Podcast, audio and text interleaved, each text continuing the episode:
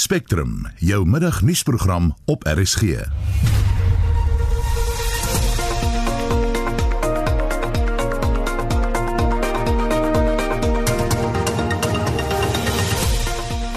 En in die program so wat 48000 kandidate en meer as 110 politieke partye registreer vir die munisipale verkiesings. The greatest thing that is plaguing all our residents is a complete breakdown of service delivery.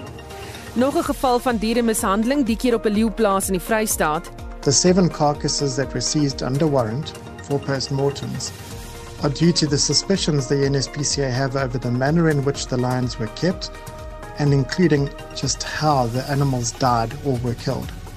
En hier Paralimpiese spele begin vanaand in Tokio. Goeiemiddag, welkom by Spectrum. My naam is Susan Paxton. Dis 4 minute oor 12 en jy luister na Spectrum. Politieke partye het tot gisteraand 9 uur tyd gehad om kandidaate te nomineer wat aan die plaaslike regeringsverkiesings op 27 Oktober sal deelneem. Die verkiesingskommissie het gisteraand aangedui hy sou deur die nag werk om kandidaate en politieke partye te registreer.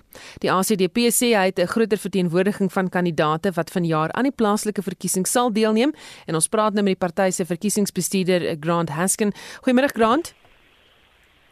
Good morning. Uh, good afternoon, Susan. How are you? Ah, dit gaan goed met my, maar Grant, hoeveel kandidate het julle vir die verkiesing genomineer? We've we've nominated uh, over 2,800 candidates for this election, and you know there's a lot of youth that we've nominated in their 20s, which is very exciting. That's what we've been focusing on is on youth and women. So over 2,800 candidates is a big increase from previous elections. Hmm. So hoeveel kandidate staan in metro's plaaslike en distriksmunisipaliteite en in watter provinsies? Okay, well, we're contested in all the uh, provinces um, and in all of the eight metros around the country um, with 744 candidates, which is also something that we've not been able to achieve before that many candidates in the metros. Um, 102 municipalities across all the uh, uh, provinces, which is 16 municipalities more than in 2016. We're also happy about that. Hmm. Um, en wat is die verskil? Hoekom staan nou soveel meer mense? Well, look, the uh, you know the, there are a couple of things. Firstly, you know we've we've been uh, our message of demanding godly governance is is resonating with voters. People want ethical leaders. They want uh, government to be free of corruption. They want honesty, transparency. And um, you know, we've also been we've been pushing that message, but also uh, many of our voters are want they're demanding freedom of choice. They don't want to be forced to have a mandatory vaccine, and they also want churches to be open. So we've been, you know, we've been hearing that and saying the things, agreeing with voters, and so voters are looking at us and saying, well, we're the only party that are saying the things that are important to us. Open the churches. Don't force me to take the vaccine. And be transparent and honest as a government. And that's what we have, have undertaken throughout our years. That's what causes people to come to us. Is julle gereed om in Oktober met die verkiesing voort te gaan of sal julle verkies dat dit uitgestel word? Well, yes, we are ready for October if it's um, if it's uh, um, called for October. But you know, there would be benefits to us. It gives if there's a postponement, it gives us more time to reach voters, to enroll more candidates. We would have a bigger impact in 2022 than we would have in uh, 20, in October, I think, because we'd have more candidates, uh, more structures, uh, and we would have reached more voters, and that's that's what would be important for us. Baie dankie. Dit was die ACDP se verkiesingsbeampte Grant Haskin. Die DA het gister sy kandidaatelys bekend gemaak. Die party het ook bekend gemaak wie hulle keuse is vir die burgemeesters in die metros en ons praat nou met die DA leier in Gauteng, Fred Nel. Goeiemôre Fred. Goeiemôre Susan. Die grootste metro is Johannesburg en daar is julle kandidaat Dr Mpo Patlatse. Kan jy vir ons 'n bietjie agtergrond gee? Ja, Mpo is 'n uh, is is 'n mediese dokter en ehm um, sy kom uit die gesondheidssektor uit en het onder andere in die openbare sektor ook gewerk voorheen. En uh, terwyl die DA in koalisie was in Johannesburg was sy ons uh, burgemeesterskomitee lid vir gesondheid gewees. Ehm um, sy is ehm um, sy is raadslid nog steeds in Johannesburg en kom met die ervaring van van regering ehm um, met haar ehm um, in in as ja as deel van die aanbod aan aan die kiesers van Johannesburg. Nou kom ons luister gou hoe sy beplan om Johannesburg se talle diensleweringprobleme te pak. Effet, jy kan maar vir ons die klank speel daar. When we talk about revenue, you want to look at how you can get the billing sorted, right? That's the first thing. I'm not going to get into the how, but that's another thing we need to do. Number two, we need to get everybody back on board. So we need to ensure that all our residents have faith and their trust in the city restored. Again, through addressing the billing, but number two, also looking at how we can retain our service users so that revenue is protected so that we have fewer people moving away from partnering with the city. Some of the solutions we're looking at is partnerships with the private sector. As I already alluded to the fact that we don't have adequate resources to address the city's infrastructure challenges, we've seen that there is quite an interest from the private sector to partner with the city to look at how our infrastructure can be maintained and restored going forward. We are looking at potentially considering profit sharing models where the city can protect some of its revenue, but the private sector can move into the space which in the past has been protected. So those are some of the solutions we are looking at in terms of revenue protection, in terms of infrastructure restoration. Fred, dit klink of sy 'n handvol dinge gaan hê om te doen. Ja nee, kyk, die taak voor haar is baie baie groot. Ehm um, ek dink inwoners van Johannesburg sal saamstem dat dinge nie goed gaan daarso op hierdie stadium nie. Ehm um, ek kyk kan kyk dit na die slagvater waar die provinsiale regering moes aangespring het om te help om baie reg te maak. Ons kan sien die rekeninge is onakkuraat. Uh, ons kan nie sien spoed waarmee goed soos waterlekke en dis meer ehm um, reggemaak word. Is baie stadig. Ehm um, en en jy kan en en die klagtes uh, hoop net op. En dit, kyk, dit gaan 'n baie groot taak wees. Dis nie iets wat jy oornag van kan kan verander nie.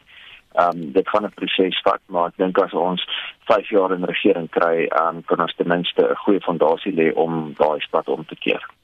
Wie is julle kandidaate in die ander provinsies?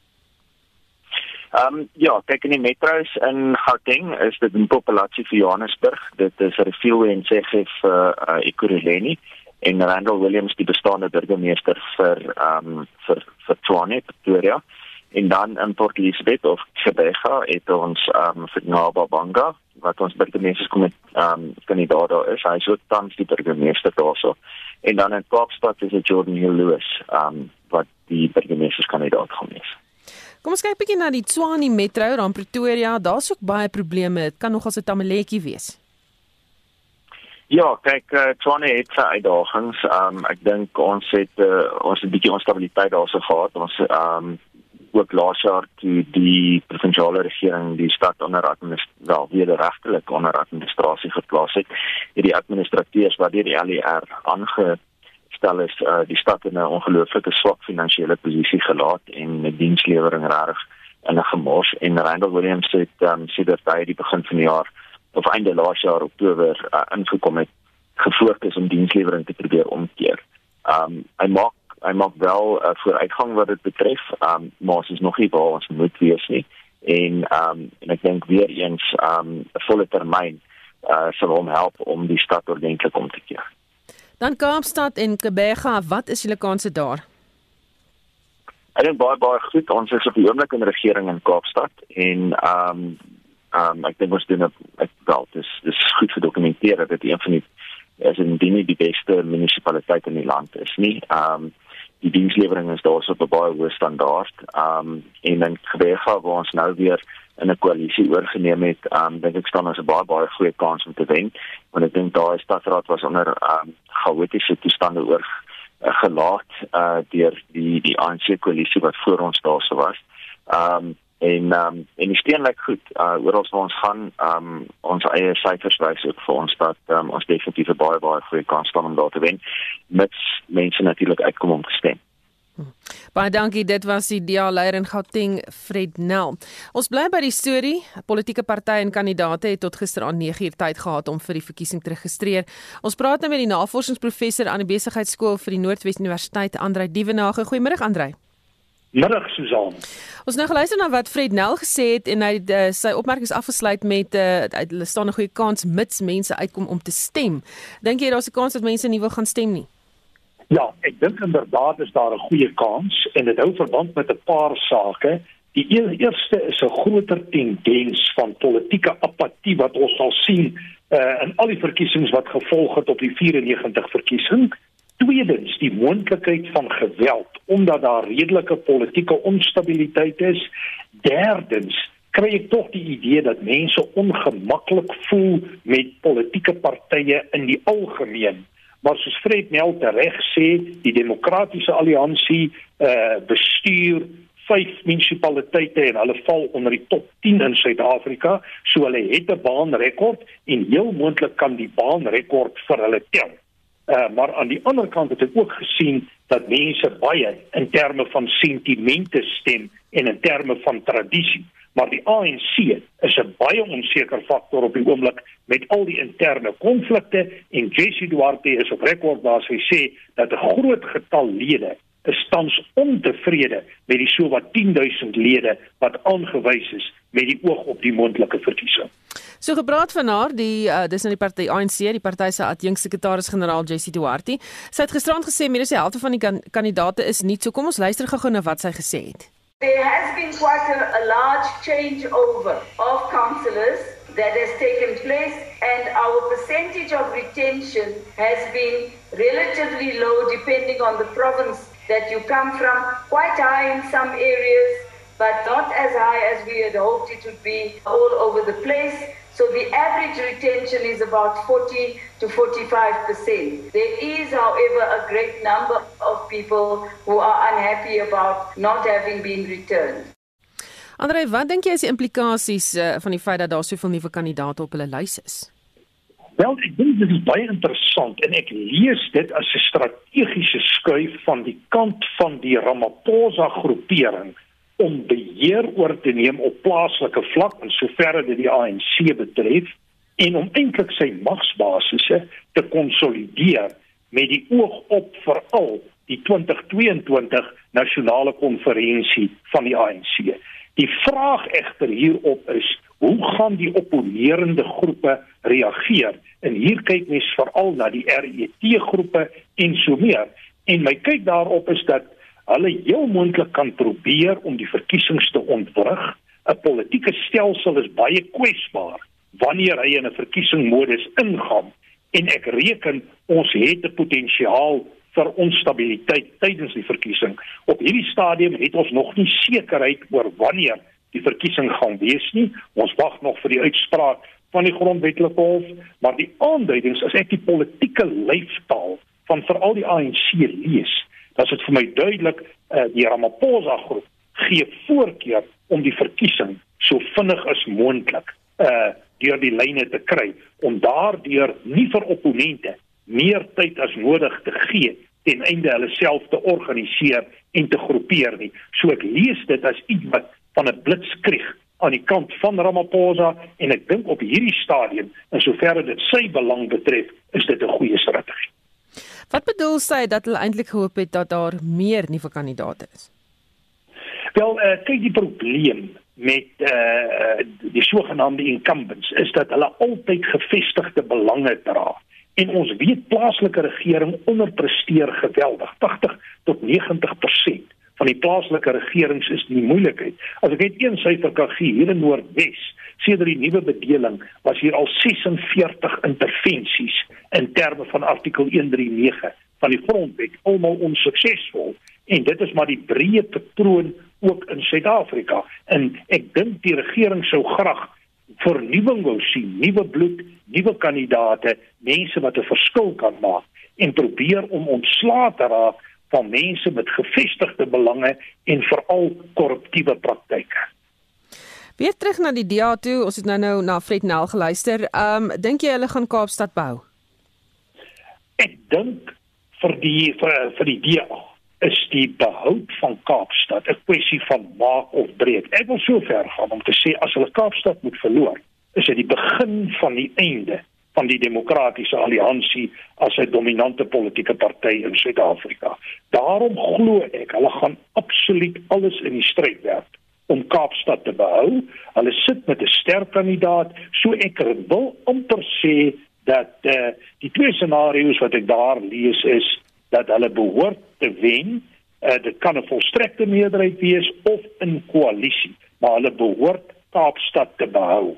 Wat kan gebeur in Die Oos-Kaap is vir my meer uh, onduidelik en dan wanneer jy kom hier na Gauteng toe, dink ek is die kanse waarskynlik meer beperk vir die DA om beheer te neem. Maar van Kaapstad redelike sekerheid, die res is meer 'n tipe van 'n dobbelspel. Maar soos ek genoem het, 'n mens kan dalk 'n reaksie sien van die kant van die kiesers waar hulle stem vir effektiewe en goeie diens en dan mag dit byvoorbeeld 'n verskil maak in 'n omgewing soos byvoorbeeld die Oos-Kaap met die Nelson Mandela metropool. Kom ons kyk gou na ander rolspelers in die verkiesing soos Herman Mashaba se Action SA en Musi Maimane met die One South African Movement. Wat's hulle kanse? Wel, ek dink hulle kanse is relatief beperk op 'n nasionale vlak. Dit kan wees dat hulle in kleiner omgewings soos byvoorbeeld Johannesburg en miskien 'n omgewing hier en daar 'n sukses kan behaal, maar ek sien hulle nie as groot rolspelers nie. Uh die vraag natuurlik is waar die EFF gaan staan in die verkiesing. En ek dink dit gaan tot 'n baie groot mate die steenvlakke bepaal van hierdie kleiner partye uh waaronder uh die afsplinterings van die demokratiese alliansie en ek dink belangrik hier om te sê is dat die EFF nie graag wil deelneem aan die verkiesing nie en reeds aangedui het dat as die verkiesing op 27 Oktober gaan plaasvind dan het hulle ernstige probleme en kan hulle hulle wend tot destruktiewe strategieë ten einde die verkiesing te ontwrig. So hulle deelname en die wyse waarop hulle kan deelneem kan baie invloedryk wees op veral kleiner swart partye want in jou swart gemeenskap word die EFF telkens gesien as 'n alternatief op die ANC. En die Vryheidsfront Plus? Die Vryheidsfront Plus, uh, dink ek het uh, organisatories goed gedoen onder Pieter Groenewald. Ek verwag dat in die huidige omstandighede daar 'n weer daar 'n wegbeweeg is van die DA van blanke steun. Hulle probeer dit terugwen, daai sogenaamde 250 000 stemme wat hulle verloor het in die vorige verkiesing. Ek dink die VF+ is beter geposisioneer hierdie keer om sterker steun te kry as in die verlede en op 'n manier is dit ten koste van uh, die demokratiese alliansie wat natuurlik interessant gaan wees is hoe gaan hulle steun aan die Kaapse afskeidingsbeweging. En nou dis 'n gekwalifiseerde steun, maar hoe gaan dit impakteer op die politiek van die Wes-Kaap en miskien Kaapstad? Maar ek wil sê in die algemeen lees ek 'n beter vooruitsig vir die Vryheidsfront Plus, maar ek dink nie 'n mens moet reken op 'n dramatiese uh byvoorbeeld 'n verdubbeling van hulle steunbasis nie. Ek reken dit behoort kleiner te wees as dit. Baie dankie. Dit was die navorsingsprofessor aan die Besigheidsskool van die Noordwes Universiteit, Andrei Dievenage.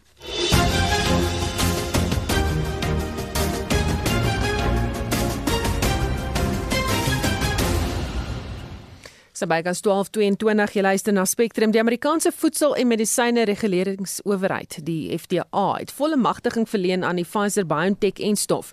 Dit maak dit die eerste COVID-19-enstof wat deur die reguleringsowerheid goedgekeur word.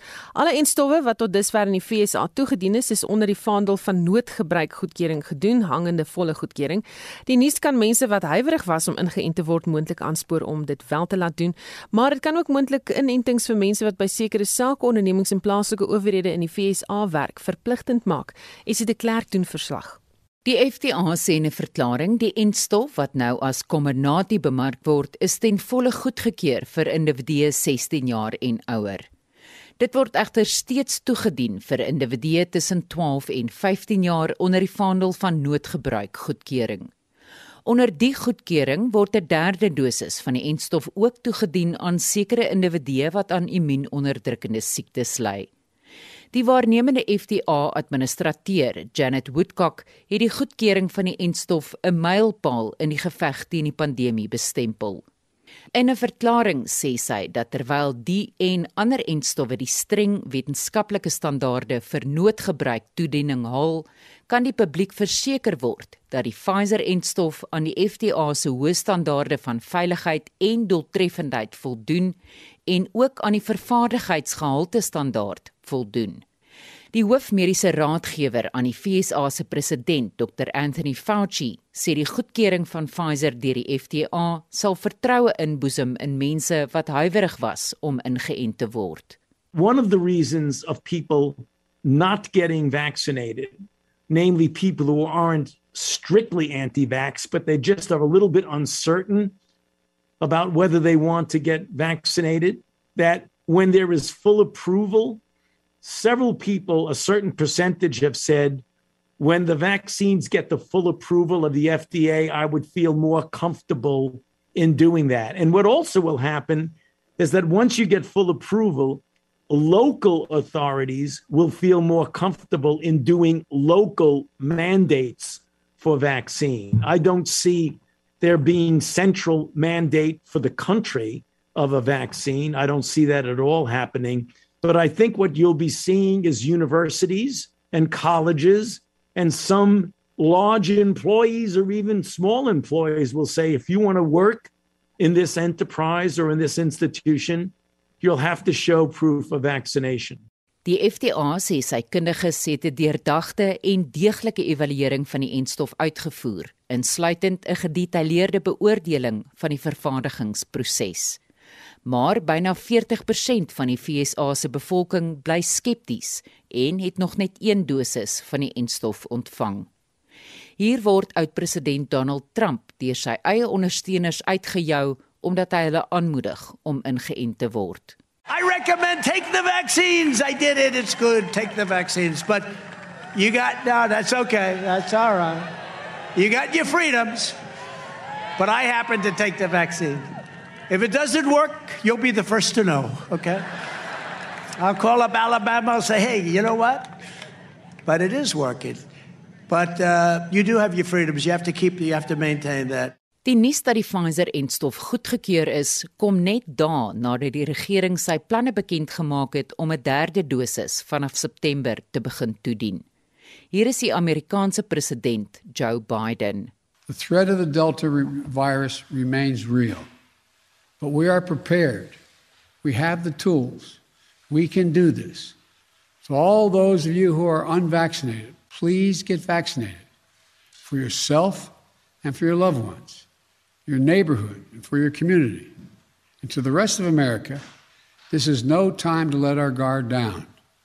We just need to finish the job with science, with facts, and with confidence. Meer as 200 miljoen mense in die FSA het nou ten minste een dosis en stof ontvang, maar slegs 51% van die bevolking is al ten volle ingeënt. Die Moderna enstof wag ook vir volle goedkeuring deur die FDA, maar Johnson & Johnson het nog nie met die proses begin nie. Die verslag is saamgestel deur Sherwin Bryce Peace in New York en ek is Estie de Klerk vir SAK nuus. Ons bly by die storie en praat nou met 'n COVID en infeksie siektebeheer spesialis verbonde aan Universiteit van Pretoria, professor Veronica Ikerman. Goeiemiddag Veronica. Goeiemiddag. Wat se implikasies wêreldwyd dat die Pfizer-enstof nou ten volle deur die FDA goedgekeur is? Ek dink wêreldwyd gaan dit hopelik vir ons vertroue, die publiek se vertroue meer maak um, in die proses ek dink ons het nou genoeg data en jy het nou net gehoor meer as 200 miljoen mense wat al die eerste dosering in die VS gehad het. Hierdie is 'n regtig streng proses, streng maatreëls, wetenskaplike standaarde deur die FDA wat nou uh wat wat nou gevolg is en goed die goedkeuring is regtig vir ons uh hoop dat daar groter vertroue in die vaksinne gaan wees.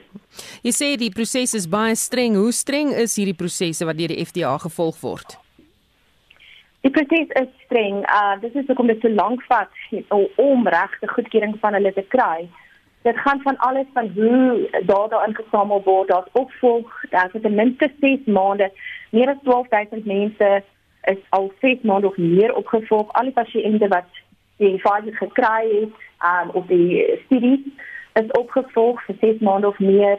En dan natuurlik is die uh, in die publiek waar dit gegee word, word enige nuwe effekte ook gerapporteer. So al daardie inligting word ingesamel, uh, die protokolle word deurkyk, die data word deurkyk, die wetenskaplikes wat onafhanklik is natuurlik van Pfizer en van die maatskappye wat dit maak. So dit is regtig streng maatreëls. Dink jy dit sal vertroue inboesem by mense hier plaaslik wat huiwerig is om ingeënt te word om nou wel te gaan vir die inenting? Ek hoop so. Daar is oor die algemeen nog steeds 'n wanvertroue um, onder sekere groepe mense um, met betrekking tot die vaksines en of of die FDA wat regtig nog so ver is van ons regtig so sê kan nie. Ek meen lokaal natuurlik het ons SAPRA wat na die prosesse kyk, wat na die data kyk lokaal.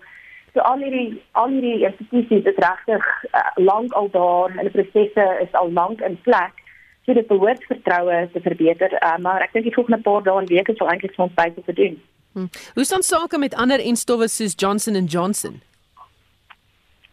Johnson & Johnson se data is bietjie agter Pfizer se, so dit het ook te doen met hoeveel data ingesamel word en hoe lank voordat 'n mens daai finale uh, proses van uh, van goedkeuring kan kry. So uh, Johnson & Johnson het nog nie FDA uh, finale goedkeuring nie maar die data-insameling is tans besig om te gebeur. Soos ons weet, baie mense in Suid-Afrika het Johnson & Johnson gekry.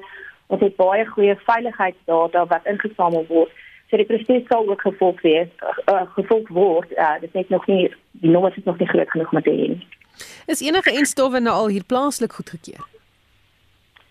Kyk ons mag glad nie enstowwe gebruik wat nie ten minste noodgoedkeuring het deur uh, SAPRA nie en SAPRA is natuurlik ons lokale autoriteit wat na data kyk. So J&J en Pfizer is goedgekeur vir verbruik en daar's baie ander aansoeke wat ook nog volg deur SAPRA. Ja. Hmm. Wat is die verskil tussen noodgebruik en volle goedkeuring dan? So die dit het te doen met tyd en nommers. Uh basies jy weet mens sou insameling van van veiligheidsdata oor tyd hê. Natuurlik die noodgoedkeuring het te doen met die pandemie en die krisis en die lewensverlies wat daarmee saamgaan. So die aanvanklike studiedata, jy kry jou verskillende fases van 'n studie natuurlik. So die aanvanklike studie en veiligheidsdata is 'n plek met die langtermyn opvolg data en die prosesse dat dit meer dat meer prosesse wat eers gewerk moet word vir finale goedkeuring en dit vat tyd. So die noodgoedkeuring is om lewens te red, dit is om seker te maak produk is veilig om gegee te word, maar die langtermyn data moet ook ingesamel word. Baie dankie. Dit was 'n COVID en infeksie siektebeheer spesialis verbonde aan die Universiteit Pretoria, professor Veronica Ikerman. Die nasionale departement van gesondheid meen 'n vierde vlaag van COVID-19 infeksies kan voorkom word indien Suid-Afrikaners hulle laat inent en voortgaan om die veiligheidsregulasies te gehoorsaam. Suid-Afrikaners tussen die ouderdomme van 18 en 35 kan nou ook hulle inentings kry en die regering hoop dit sal help om sy doelwit te bereik om 80% van die bevolking in te ent, Marlene Forsie het meer. Die adjunk direkteur-generaal van die gesondheidsdepartement, Dr. Anban Pillay, waarskei egter dat die bedreiging nie verby is nie.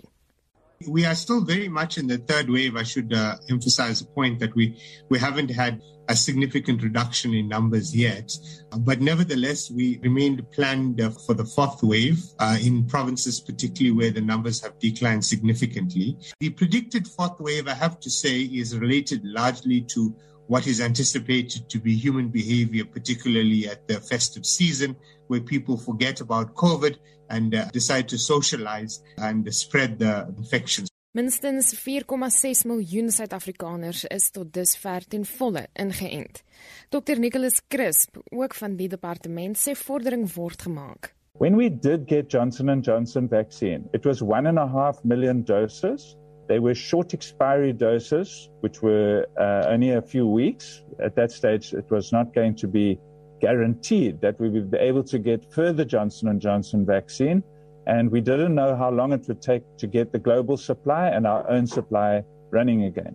So we needed to use the Johnson and Johnson at our disposal in a controlled environment where we did not re-engineer and disrupt all of the sites in the rural areas once more without any guarantee that we would get a continuous supply that would pick up immediately after uh, the end of the short expiry doses.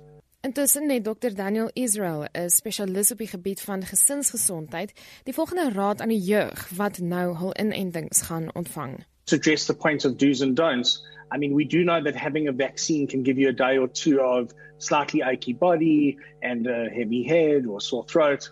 So I would say to take it easy the day that you're doing it. Don't go for a run a marathon on the day you're having a vaccine. Go there when you're healthy. Do the vaccine. Gemeenskappe wat geïdentifiseer is om spesifiek Johnson & Johnson inentings te ontvang, sluit in haweloses, diegene in arm woongebiede en bejaardes in beboude gebiede. Die verslag is saamgestel deur Offense Stimo, Marlene Forsie, SAK nuus. Spectrum, jou middagnuusprogram op RSG. In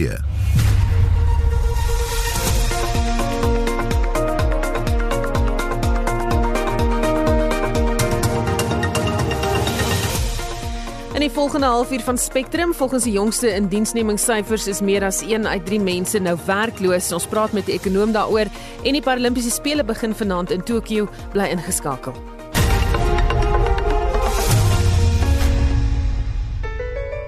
In Dinsdag 24 Augustus se RSG Kuns gesels ek met Vilro van Agterberg oor my vrou se man se vrou en Wynand van Vollenstee oor geen salf te smeer. Beide produksies is deel van die Oppie Waterkunstefees. Die kunstenaar Greta Helberg vertel my van haar uitstalling Pause en Karen de Tooi het op twee lieflike argiefonderhoude afgekom. Dis RSG Kuns, Dinsdag aand tussen 8 en 9 saam met my, Christel Webber.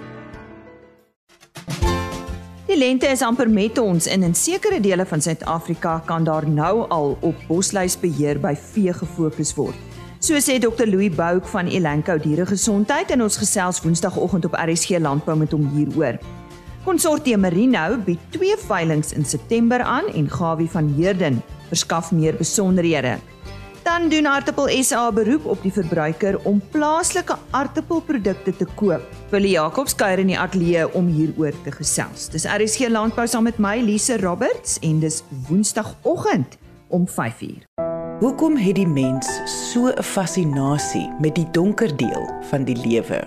TV-reekse, dis in die nuus, die sosiale media. Ons hou daarvan om te lees van kultusse, reeksmoordenaars, sadisme, Waar kom hierdie fascinasie vandaan? Kom vind meer uit in Vrydag se episode van Wie is ek? Dis Wie is ek? Vrydag 12:30 net hier op RSG. Kom vind uit wie jy is. Daar is geen verkeer. In Gauteng staan 'n voertuig op die N3 suid net na die Geldenhuys wisselaar in die regterbaan en dan in die Weskaap is daar padwerk op die N2 stad uit op Sir Laurie Spas linkerbaan toe daar en dit is jou verkeersnuus. 1236 jy luister na Spectrum. Statistieke Suid-Afrika het 'n kort ruk gelede die jongste indiensnemingsstatistiek bekend gemaak. Die werkloosheidskoers het met 1,8 persentasiepunte toegeneem in die tweede kwartaal. Dit beteken dat meer as 1 uit elke 3 mense in Suid-Afrika nou werkloos is. En ons praat met die ekonom van die Buro vir Ekonomiese Onderzoek in Stellenbosch, Lisette Eysel de Schepper. Goeiemiddag Lisette. Goeiemiddag. Kom ons kyk bietjie na daai indeks, hoe het hy vertoon? Ongelukkig was dit maar 'n baie um, swak syfer. Die werkloosheidskoers van 34.4%, dit was nog nooit so hoog nie.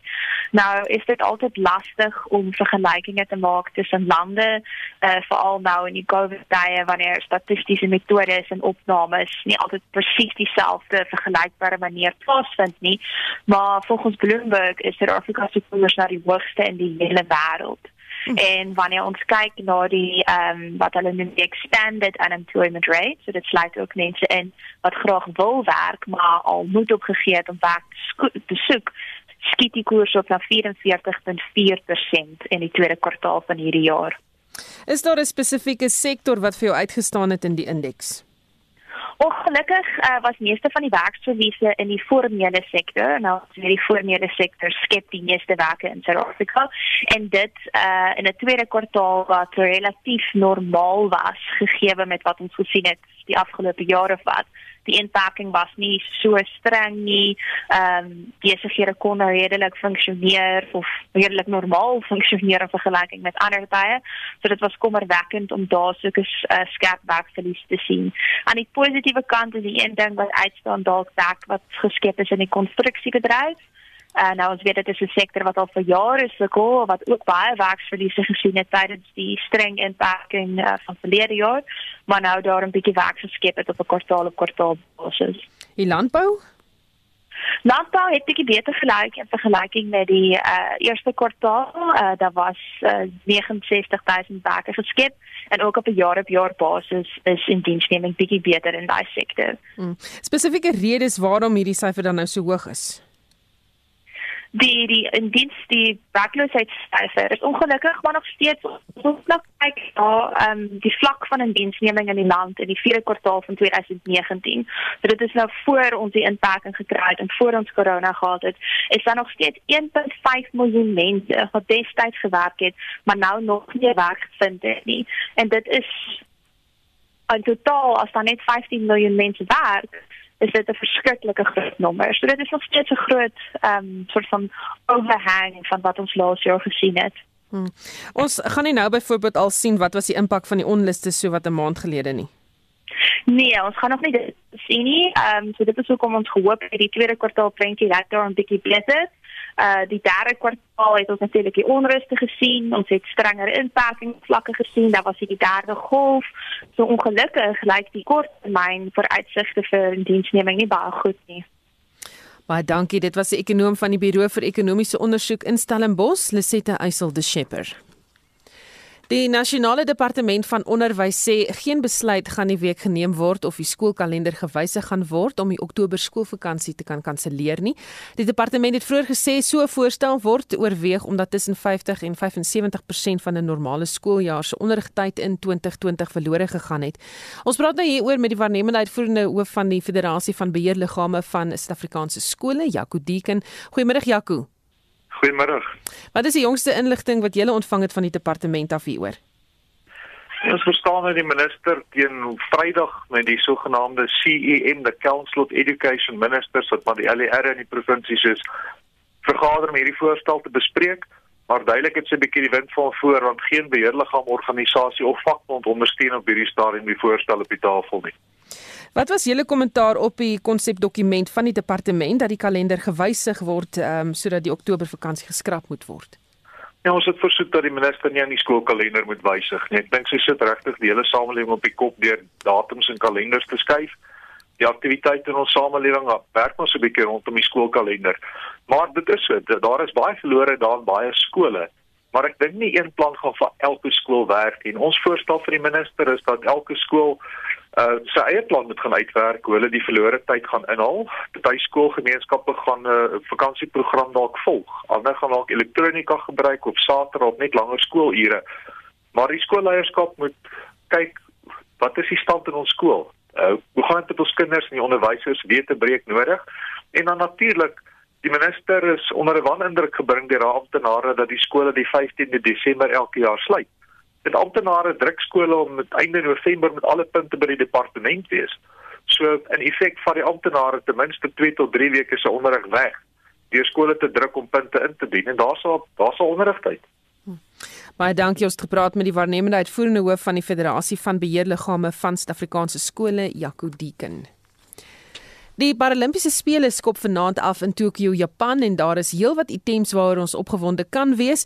Vir meer oor wat ons te wagte kan wees, praat ons nou met 'n sportskrywer by Netwerk 24, Marizaan Kok. Goeiemôre Marizaan. Goeiemiddag.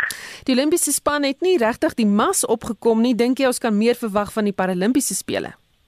Ek dink tog so. Ek ons uh, het wel ons ons klein span daar sedert 1992, daar's net 34 wat die jaar gaan maar daar is regtig harde baarde in die span.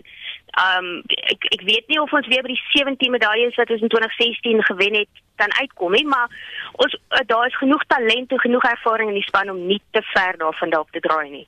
Hm. En uh, wie gaan ons ster oudjies wees wat ons moet dophou?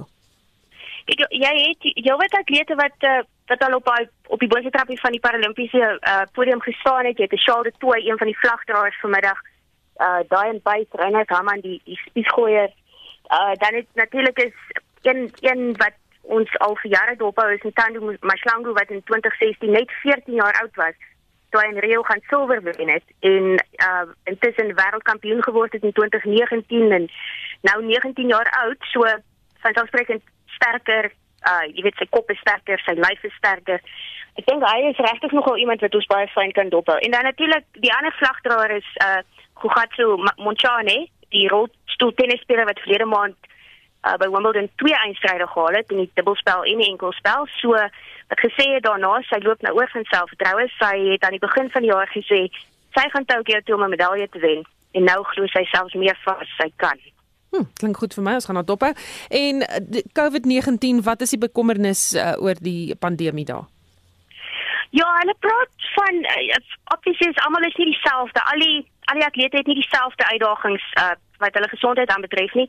So daar is sekere groepe oor wie daar meer kommer is as ander. Hulle praat byvoorbeeld van uh mense met uh, met rugmurgbeserings, atlete met rugmurgbeserings is meer geneig tot asemhalingsprobleme, tot hartsiektes, tot diabetes. So dis 'n groep wat hulle baie baie fyn sal dop en baie beter moet beskerm dalk as jou, jy weet as jou gemiddelde mens teen hierdie siekte. So hulle is nog al 'n bietjie bekommerd daar in Tokyo daaroor en dan is die algemene publiek in Japan soos die Olimpiese spele is nie oortuig dat hierdie hierdie spele moet aangaan nie. Die probleem is dat Tokyo se syfers verskriklik klim. Hulle hulle het uh, gister vandag vandag meer as 4000 gevalle weer aangeteken net in Tokyo en die algemene publiek. Gister is die eerste atleet positief getoets in die Olimpiese dorp. So, ehm um, daar is nie almal is is gerus hieroor nie wat COVID aanbetref. Uh, maar ons almal weet jy kan nie regtig die toekoms voorspel nie. Ons is baie bekommerd voor die Olimpiese spele ook en dit het heel goed afgegaan. So uh ten minste is hulle is hulle bedag daarop dat daar atlete is wat baie beter opgepas moet word. Nie dat nie dat jy niemand wil oppas nie, maar dat daar atlete is vir wie hulle baie meer hmm, uh, meer blootgestel is dalk. Ja. Sê vir my Marizaan, uit jou ervaring, dink jy die Paralimpiese spele kry die aandag wat dit verdien? Um, ek ek dink nie so nie. Ek dink ons het uh, die aanloop is baie baie stil. Maar ons weet ook uit ervaring, sodra dit aan die gang kom en sodra atlete begin medaljes wen, is alle oor daar. So, uh, dit is sodat dit die Paralimpiese sport is is op die agtervoet in sin dat tussen spele is is dit baie stil en mense let nie regtig op na hulle nie en dan het hulle hierdie hierdie groot bang met elke spele. So ja, dit uh, is 'n groot jammer. Ek dink ons gaan oor die volgende 2 weke baie praat oor hulle. Ek dink hulle gaan vir ons nog al 'n paar goed gee om oor te praat, maar dit is jammer dat dit so stil is voor en en na spele oor hulle. Baie dankie. Dit was die sportskrywer Marizaan Kok.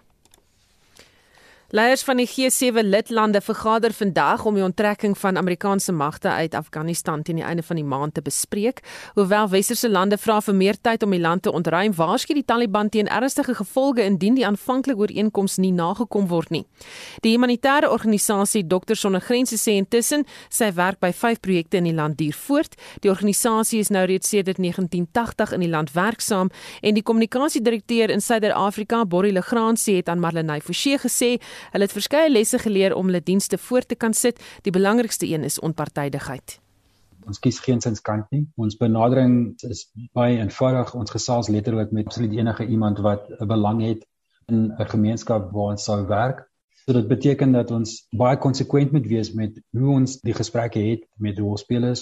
Dit sluit dan ook in die Taliban, Amerikaanse magte, Afghaanse nasionale weermagmagte, en in sommige gevalle ook plaaslike gewapende groepe. Jy weet wat ons vir die een sê, sê ons vir almal. Enige iemand wat gewond is, veral in 'n konfliksituasie, of dit nou 'n gewonde Amerikaanse Afghaanse of Taliban soldaat is, ons wys geensins enige van daardie mense weg nie. 'n Gewonde persoon is gewonde persoon. Daar was egter gevalle waar die organisasie sy dienste moes opskort. Na 2004 toe vyf van ons personeellede in Badghis in 'n sluipmoordaanval vermoor is, maar ons het teruggekeer na Afghanistan in 2009 Ons aktiwiteite het 'n uh, redelike groot skaal aangeneem. Sedertdien behartig ons 5 projekte in 5 provinsies. Sover ten spyte van die gevegte vroeër met ons steeds aangegaan met ons aktiwiteite soos gewoonlik. Natuurlik het ons heelwat mense behandel vir skietwonde en ander beserings. So ten spyte van die onsekerheid dat geen van ons projekte opgehou werk nie. Onlangse voorvalle van geweld is nog vars in werknemers se geheue. Die twee mees onlangste gevalle was in in Kunduz in 2015 waar 'n Amerikaanse weermag vliegtuig ons trauma hospitaal in Kunduz vernietig het heeltemal. Dit het uh, 42 mense gedood, insluitend 24 pasiënte. En dan ook in in 2020 ons het 'n Kraam Hospitaal in uh, Kabul in Dashtabashi en ehm, 'n um, aanval van 'n oppositiegroep daar het, het die lewens gekos van 24 moeders en babas. Dit het dit baie duidelik gemaak aan almal, ook die wat verantwoordelik was vir daai geweld dat wat gebeur het geensins aanvaarbaar kan wees nie. So daar's 'n politieke koste wat met sulke geweld gepaard gaan en dit is belangrik vir ons om, om baie duidelik te wees hoe ons dit verduidelik aan die partye met wie ons in kontak is, maar ook aan die res van die wêreld. Dit was dokter Sonder Grense se kommunikasiedirekteur in Suider-Afrika, Borri Legrandsie. Vir nou is daar geen aanduiding dat dienste opgeskort moet word nie. Marlene Forsie is hy gaan nuus.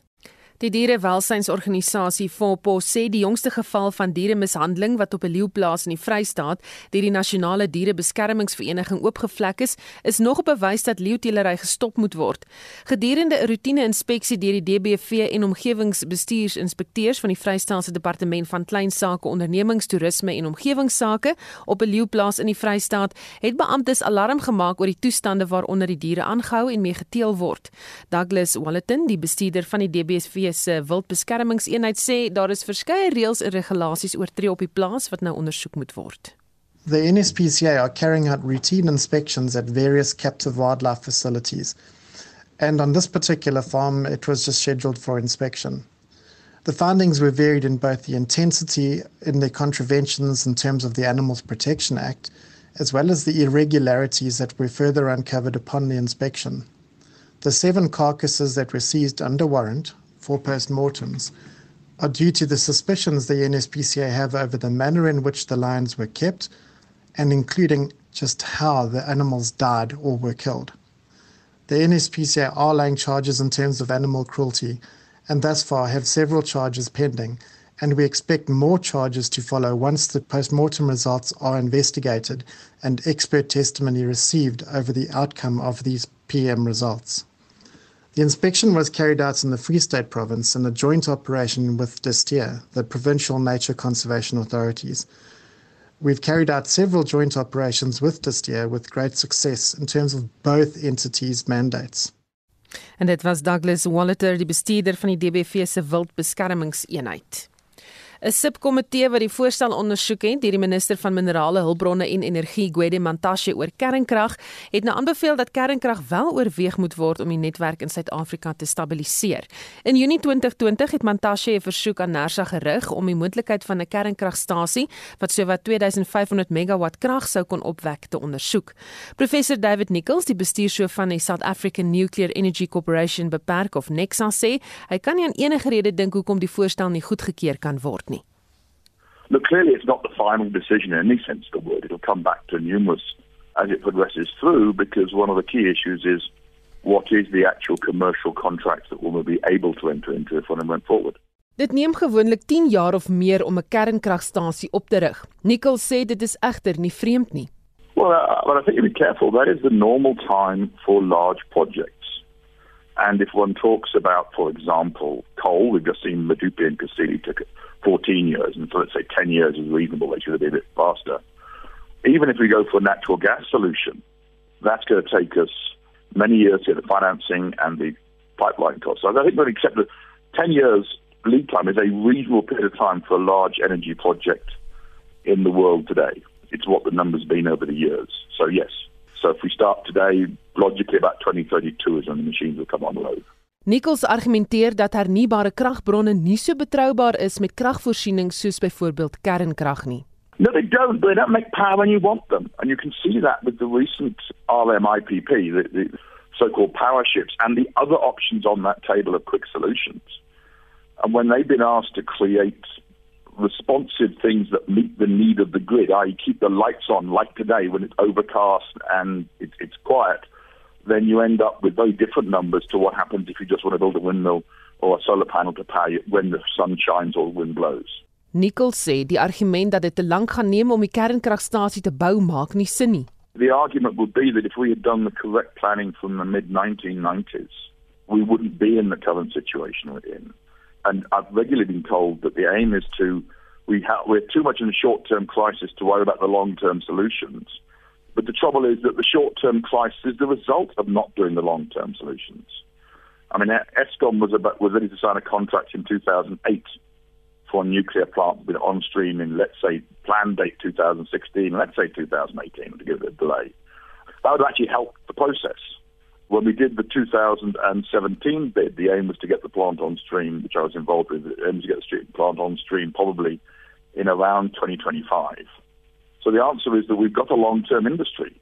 It's very easy for people to say, let's defer the decision because it's a 10-year program. But the reason that we have the current crisis in the country is a function of the energy planning or decisions at policy level made in the late 1990s that presumed that, that IPPs would come in and fill the hole, and they never did. Nicole sê hernubare krag is nie die enigste antwoord op ons kragkrisis nie. Well, the best example I'd give you is California. It sounds odd to say that, but can I just talk California for two seconds? We adopted a policy in the mid 1990s, very aligned to the Californian policy of free market in the power supply industry and generation industry. And everyone said, well, that's the way of the future. And then a few years later, in 2000, California had the massive crisis of Enron, with the companies going bankrupt and the prices going through the roof. And that really is what put the brakes, in my view, on the 98 energy policy because the realization California. Now we're on the same policy as California is in terms of let's go for distributed generation, let's put solar panels on roofs, let's put wind turbines. And the net result is California is now doing load shedding. And the richest state in the USA is now doing load shedding or, or load constraints because there isn't enough power because they've gone for the same policy. So I'm very concerned that we have a view which says we should be going for policies that actually have never been shown to work anywhere in the world in finality, and we should not be going for policies that have been shown to work in the world. Seems odd to me. Dit was professor David Nichols, die bestuurshoof van Nexa. En vir die jongste nuus en 'n opsomming van Spectrum se hoofstories sluit Marlenae Forsie nou by ons aan Marlenae. Die Weskaapse regering het kort voor Spectrum 'n digitale konferensie gehou om sy standpunt oor die wetsontwerp op grondonteiening sonder vergoeding daar te stel. Premier Ellen Wendy sê hulle is gekant teen die idee. When things are not working like our land reform uh, departments and the processes that they're busy with, fix the department. Don't try and centralize the power. Don't try and uh, change the constitution, which are drastic measures which affect an economy. And you can see already from when these ideas were put on the table how business confidence started to wane, how people looked at it and us as a country very differently. Ons hou die storie dop. Die ANC het heelwat veranderinge aan sy kandidaatelys gemaak vir die plaaslike verkiesings. 'n Navorsingsprofessor aan die Besigheidsskool van die Noordwes Universiteit, Andrei Dievenage, het sy mening gedeel. Ek lees dit as 'n strategiese skuif van die kant van die Ramaphosa groepering beheer oor te neem op plaaslike vlak. Die vraag egter hierop is, hoe gaan die opponerende groepe reageer? 'n Politieke stelsel is baie kwesbaar wanneer hy in 'n verkiesingsmodus ingaan en ek reken ons het 'n potensiaal vir onstabiliteit tydens die verkiesing. Die verkiesingskommissie hou binne 'n paar minute 'n media-konferensie oor die benoemings vir die plaaslike regeringsverkiesings. Dis iets wat Monitor môre gaan bespreek. Dan COVID en infeksie siektebeheer spesialis verbond aan die Universiteit van Pretoria, professor Veronica Ikerman, sê Amerika se besluit om die Pfizer-enstof ten volle goed te keur kan help om inentingshuiwerigheid teen te werk ons het nou genoeg data en jy het nou net gehoor meer as 200 miljoen mense wat al die eerste dosering in die NVS gehad het.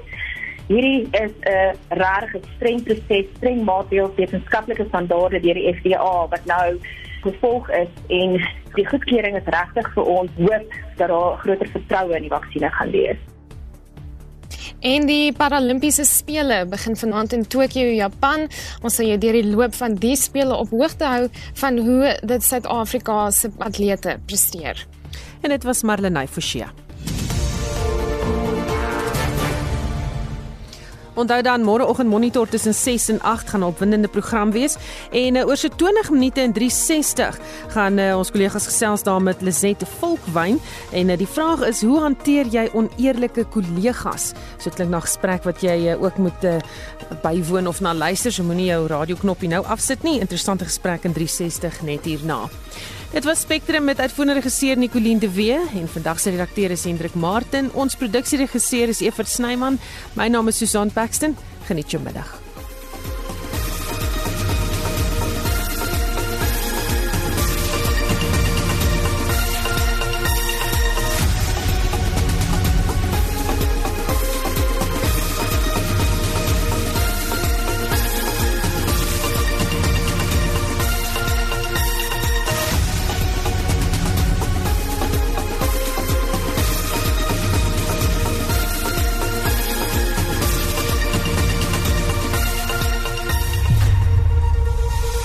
SAK nuus.